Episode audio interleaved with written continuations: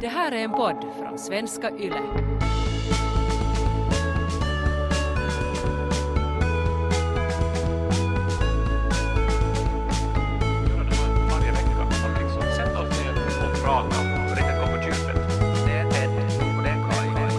Välkomna det Ted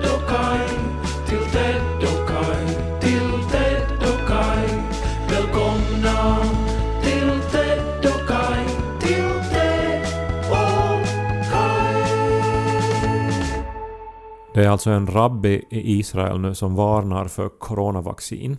Jaha, För att eh, det kan göra en homosexuell om man tar det. just det. Det är ju ett svårt val då. Att väljer man att eventuellt dö av en fruktansvärd lungsjukdom eller blir man gay? Nå, åtminstone för den här rabbin nu då så är det tydligen eh, alltså Det är en ett värre... Ja, alltså det är no, no, det är en, Jag bara ser framför mig en, en skäggig rabbi som läser från någon sorts så här tårarulle och bara konstaterar att ja, här, här finns medicin men då blir man gay. Så för oss alla rabbin här så det är nog en no-brainer. Jag läser här nu symptomen eh, hos corona. Det är andnöd, kvävning, svåra feber. Eller att man diggar pippeli.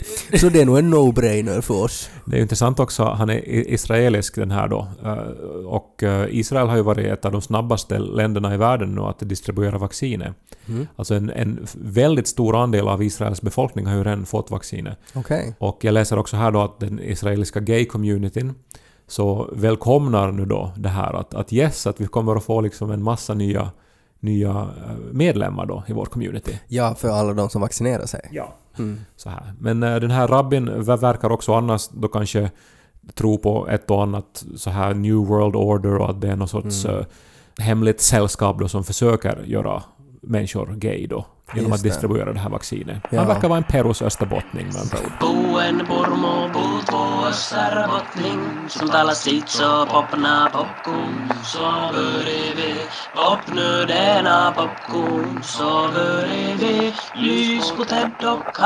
Jag känner mig fnissig och glad idag. Jaha.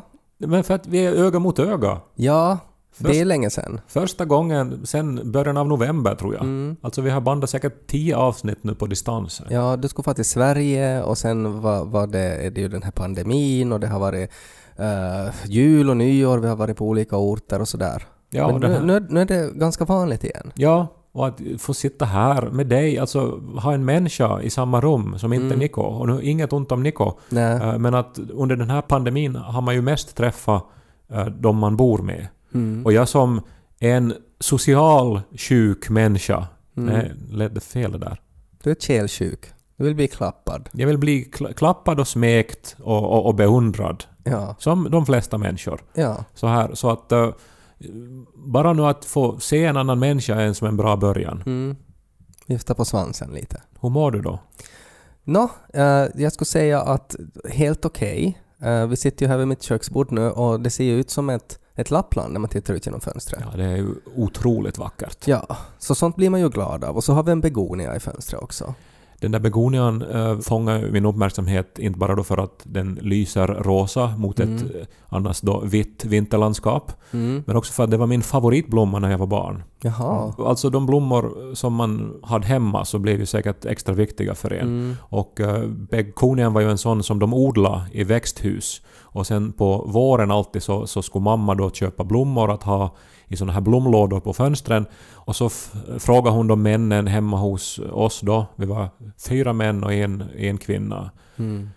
Är det någon som vill komma och hjälpa mig och eh, köpa blommor och bära blomlådor? Mm. Och så var det alltid jag som markerade och for med. Och det var liksom min och mammas sån här vårtradition då. Mm. Att vi for och köpte begonior bland annat. Och hon hade ingen aning om att du var gay. Nej, det är ju det. Tio år senare när jag berättade det för henne så, så, så var hon ju totalt tagen på sängen som det heter. Ja. Hon betalar ju också, när jag var med i Roxettes fanclub Mm. i Storbritannien. Mm. Och då för att bli medlem så måste man på ett väldigt invecklat sätt flytta över pengar via telefon på något sätt. Ja. Eh, Det här var långt före Paypal. ja, alltså det här är ju inte en, en smart telefon du pratar om, att man flyttar över pengar via. Nej, utan hon ringde till någon bank någonstans i Sussex och, och pratade SE-dialekt. och mycket. Och någon svarade “So you have a really gay son, is it so?”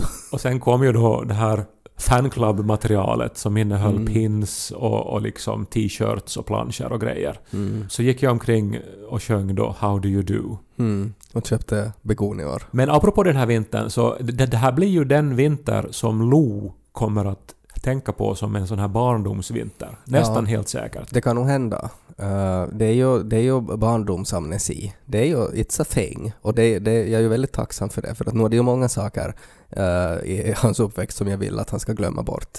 Eh, men att det är väl ungefär från den här åldern nu, han har fyllt fem, som, som det börjar så här registreras så att man kommer ihåg. Ja, och så att den här vintern då är så vykortsaktig då, alltså med enorma snödrivor och uh, krispiga temperaturer. Ja, vi är ju, alltså vi, vi promenerar ju nästan varje dag alltså till, till och från dagis med, eh, med pulka.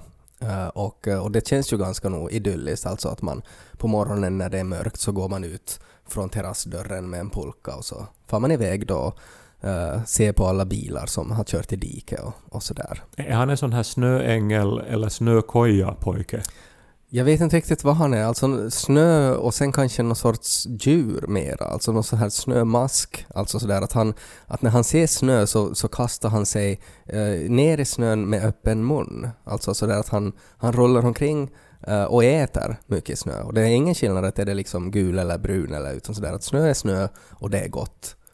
Han brukar kalla det till snömorötter när han äter istappar. Mm, och, ni, och ni låter honom göra det här då? Nej, Jag brukar alltid poängtera nog att det är säkert någon hund som har kissat på det där, men att han bryr inte sig.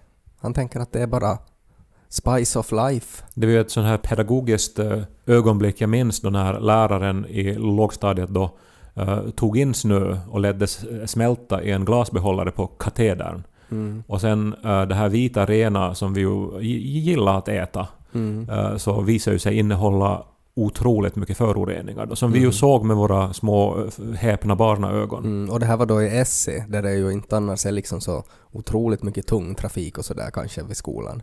Och att det ändå där så är det ju förorenat. Ja, det här var ju ändå bara några år efter Tjernobyl också så att det kanske nog fanns Det var- ett och annat. Det var grön snö.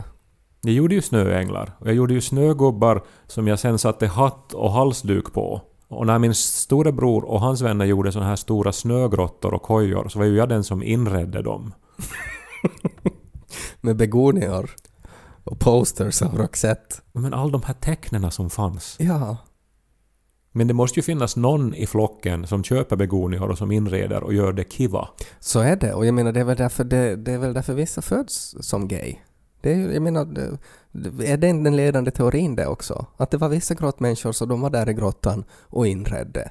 Ja, men varför finns det då homofobi? För jag menar alla i klanen var väl överens då om att det var roligt att den här Elton John grottmannen kom och sjöng ibland Mm. och underhöll och, och som, Ja. så, så fick man glömma att det fanns tigrar Ja. som lurade. Ja, det är någonting annat. Det är no- något tokigt som någon annan gen som har farit fel. Att det, att liksom att det finns kvar. Alltså på något sätt att det väcker på något sätt så här avsky och äckel. eh, som, som ska väl på något sätt vara inte vet jag, på samma sätt som att, att eh, äckliga saker väcker avsky, att man inte ska fara dit och göra det, så är, har det på något sätt blandats ihop. Jag vet inte. Jag prenumererar så få sådana här homofobiska tidskrifter så att jag har inte, jag har inte läst den här senaste forskningen. Det är ju en återkommande källa till irritation hos många uh, bibeltrogna kristna. Alltså att medierna idag inte publicerar uh, sådana här homokritiska nyheter och Mm. homokritisk forskning. Mm. Att man bara då lyfter fram det som är positivt med att vara gay. Ja, Jag undrar bara vilka nyheter det är som de... tän- Al- Alltså är det då just det här som den här rabbin då, som menar då att man kan bli gay av det här coronavaccinet? Är det sådana nyheter som man menar att borde få plats? Ja, nyheter som på något sätt understryker ens homofobiska världsbild. Det, det, det är väl så. Det är en väldigt speciell dag idag nu då med att eh, Trump lämnar Vita huset och Joe Biden svärs in som president i USA. Och eh, på något sätt är det ju som ett paradigmskifte, som ju är ett ord som man ska använda inte så ofta.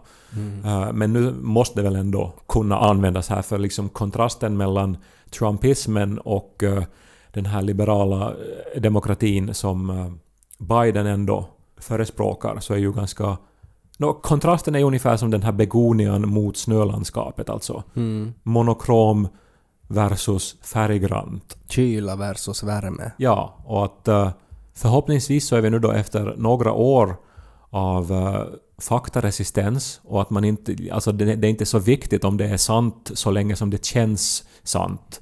Att det liksom är över. Mm. Sen var det ju den här gången också när vi då for hela familjen och skulle köpa sparkstöttingar till alla barnen. Mm. Och jag valde den röda Ja. och mina bröder valde den här träfärgade. Mm. Som var den allra vanligaste som alla hade. Mm. Till saken hör att den där röda var också mindre än de andra. Så att sen då när eh, jag växte så blev liksom den här körställningen otroligt obekväm då för mig. Så att alla andra liksom sparkade ju förbi mig då och jag liksom kom då med blodsmak i munnen efteråt och hann inte med. Mm. Men åtminstone hade jag stil. Kai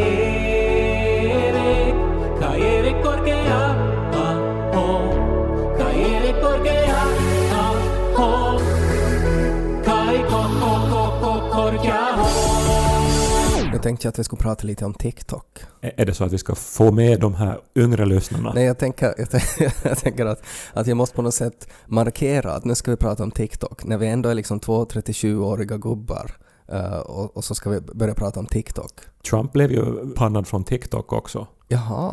Eh, lite oklart vad han hade för innehåll där. Han, han, han, han gjorde ju nog någon sorts dans minns jag till YMCA. Ja, men det var väl under ett av hans tal under applåderna typ, att det var väl inte en TikTok där han... Ja, men alltså jag lever ju ännu i den här tron att TikTok handlar om dans här framför allt, men det har Mm. säkert gått vidare från det också. Det har gått vidare från det, det började ju som det, men att idag är det ju egentligen ehm, det har ju blivit som ett sorts, inte vet jag, sammelsurium av all som är och, och på något sätt allt, allt vad som händer på internet just nu. Men det är, ganska, det är ganska roligt att bara sitta och scrolla ibland utan att, liksom att, att, att, man vet inte riktigt vad man får för att man får se så jätte, jättemycket. Men det har ju påverkat musikindustrin ganska mycket nu. Det har Ja. skrivits mycket artiklar om det här och det är ju någonting roligt i det här att, alltså att det är tycker jag att det är roligt, att det på något sätt har tagit bort kontrollen från de här, eh, de här stora studiorna.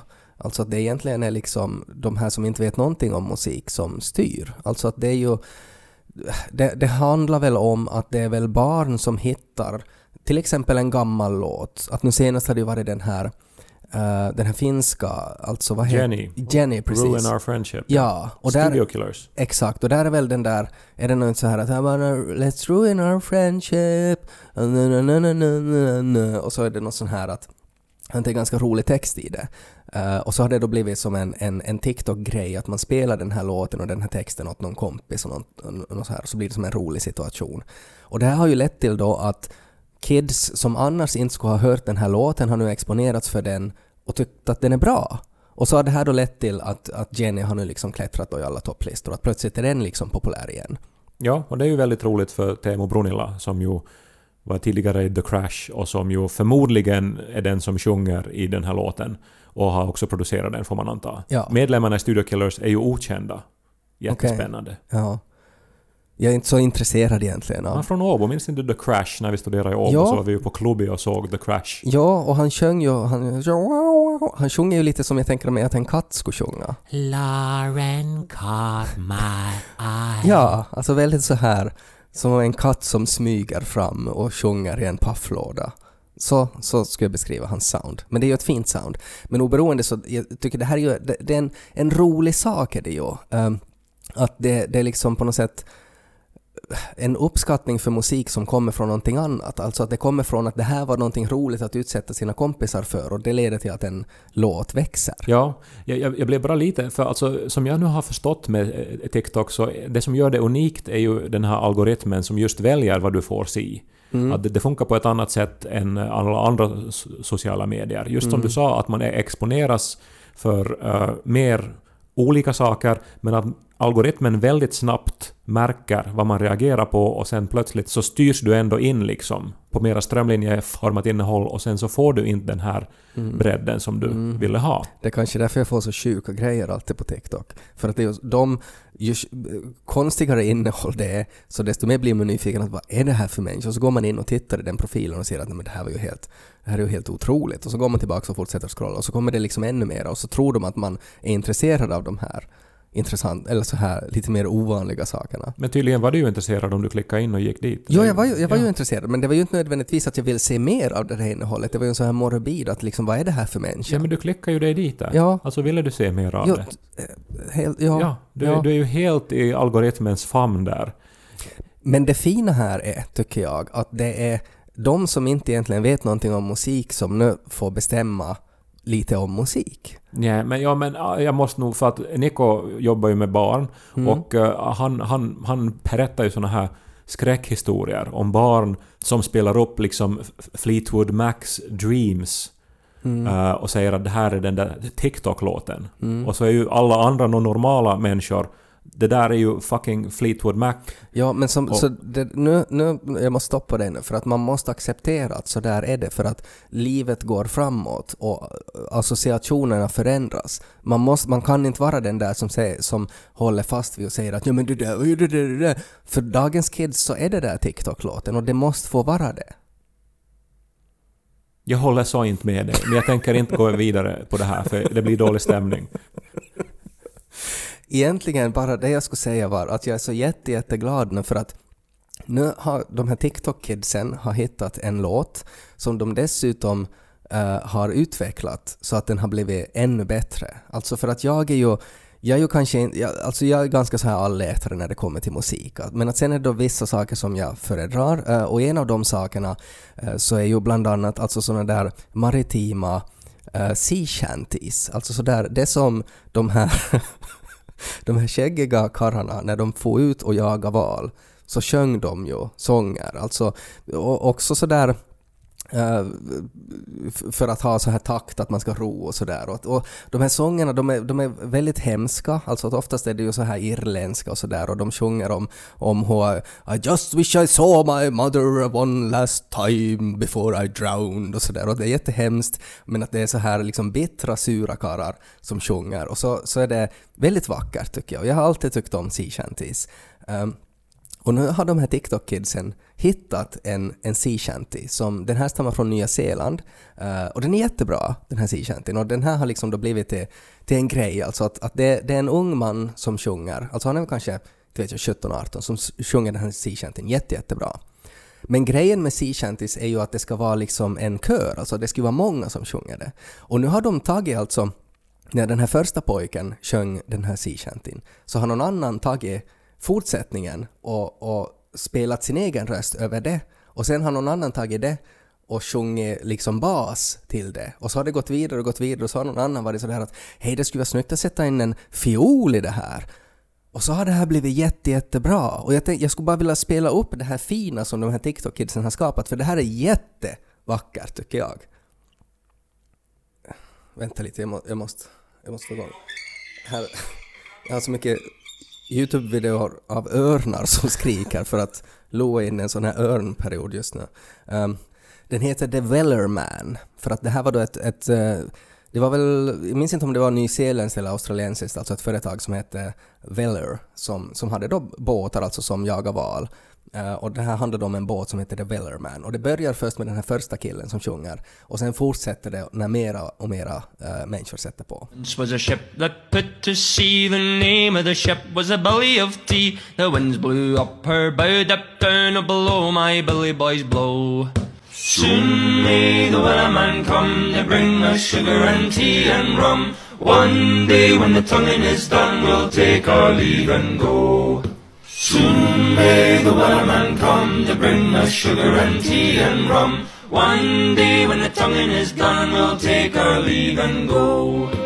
She had not been two weeks from shore when down on her a right whale bore. The captain called all hands and swore he'd take that whale in tow. Soon may the weatherman come to bring us sugar and tea and rum. One day when the tonguing is done, we'll take our leave and go.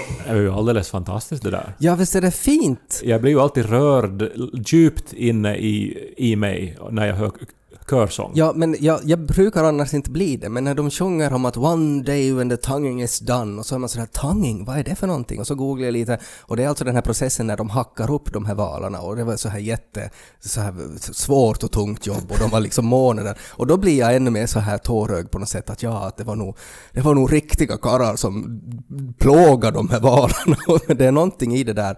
Och sen så sjunger de ju så bra och jag tycker att det här är ju på något sätt ett exempel på när sommen funkar. Men vem är det som har klippt ihop det där? var det som jag tänkte på. För det där är ju inte bara slumpmässigt hopsatt. Det där Nej. är ju nog någon som vet eh, hur man gör en, en, en kör och, och hur man liksom skapar dynamik i musiken och så vidare. Alltså det finns ju otaliga varianter av den här för att det här, det här sprids ju överallt just nu och det görs liksom Eh, redan så här techno-remixes av, av den här. Men att det, det börjar ju med att det var bara kids som satte på sina egna röster från den här originalkillen och så bara blev det mera och mera och mera och sen har säkert någon annan nu tagit dem och satt ihop det och satt upp det på YouTube.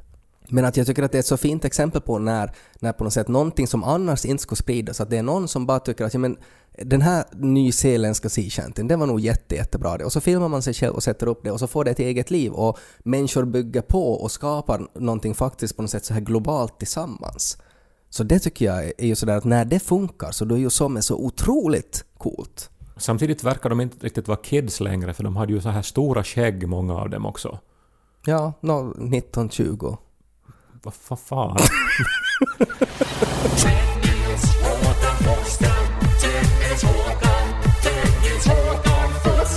Men i den här ultramaskulina sammanhållningen då bland de här valfångarna, Ja. att det ändå är då någon som vågade ta ton och börja sjunga då. För det var ju alltså No, det, var ju, det var ju inredaren på den här valbåten. Det var precis det jag tänkte. Och liksom det, han måste ju ha varit väldigt medveten då om, om då sin inredningsfäbless och eh, också varit medveten om att andra inte var som han. Ja. Så att ta ton var ju väldigt riskabelt. Det var väl nog, alltså nog har väl så här, när man tänker på sjölivet i allmänhet och homosexualitet har väl nog väldigt uh, djupa och traditionella anor. Ja, alltså stereotypt är det ju så. Vi vet ju inte sen Nej. hur det var. Men jag tänker att det är ju nog någonting som, alltså för att oftast var det ju kanske Nej men så här, ponera nu då att, att du, du, båten kapsejsar och du måste ta i land på en, på en ö och där finns inte någonting att äta. Så då måste man ju bli kannibal. Alltså så är det ju. Och då är det ju det där valet då, att vem man äter. Och oftast är det ju skeppsgossen. Och det var väl kanske då den stereotyp mest homosexuella personen som var skeppsgosse och som kanske också om, det, om vi ska nu så här försöka leva sig in i att äta upp en annan människa, så nog är det väl, nu skulle man väl föredra någon som tar hand om sig själv, som, som man vet är sådär, bryr sig om sitt yttre och sådär. De skulle ha ätit upp honom. Då. Ja. Alltså, och att han då som någon sorts Scheherazad skulle liksom ha börjat sjunga för att de inte ska äta upp honom. Nej men att det var kanske liksom en del av det också, alltså att, att förstås är det ju den här underhåll, liksom att det f- fixar begonior i, i så här alla fönster på båten och så här kommer med Roxette, trevlig och allt sånt här som, som man vill ha efter en lång kväll när man har liksom hackat valar. Eh, men att sen så fanns det också liksom den här andra aspekten av det, att, att det kanske var underförstått att men det är han man äter först. För det, det blir ju ändå alltid den tänker jag. Alltså, om du är en massa karrar på en båt och det är livsfarligt varje dag och du har x antal skorpor och x antal liter rom och i något skede finns en, en stor sannolikhet att, att du blir utan mat. Och då blir det ju den här frågan att vem man ska äta först. Men valen förstås, som man fångar. Ja, men sen när den är slut. 150 ton mat. Ja, men sen när den är slut. Så, Så, då? så, så äter man liksom 58 kilo skeppsgosse. Nej men det, har ju, det finns ju dokumenterat där de har ätit skeppsgossar. Och det blir väl oftast, var det väl skeppsgossen de åt för att han var väl kanske klenast och att de kunde övermanna skeppsgossen. Och, och skeppsgossen hade inte kanske varit kortast stund på den här båten så att de var inte lika kompis med de andra. Så det finns ju många argument varför det är skeppsgossen som äts upp.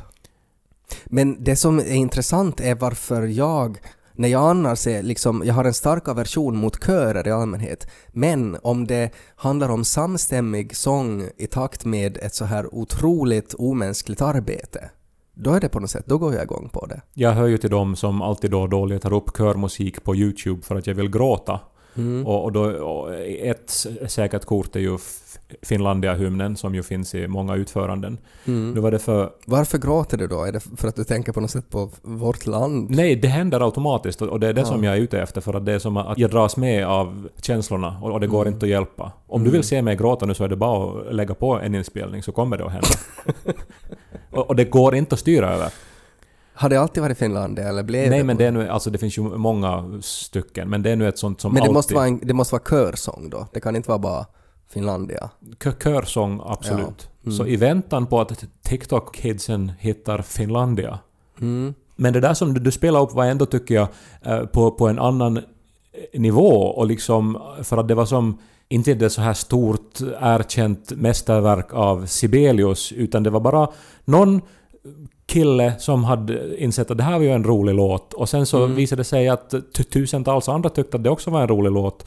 Och sen så, så, så, så gjorde man det spontant till- tillsammans utan att vara proffs eller att vara koordinerade av någon dirigent eller så. Mm, och sen i något skede blev det en sån här snöbollseffekt och så blev det bara större och större och större. Är det för sent för mig att registrera mig på TikTok nu då?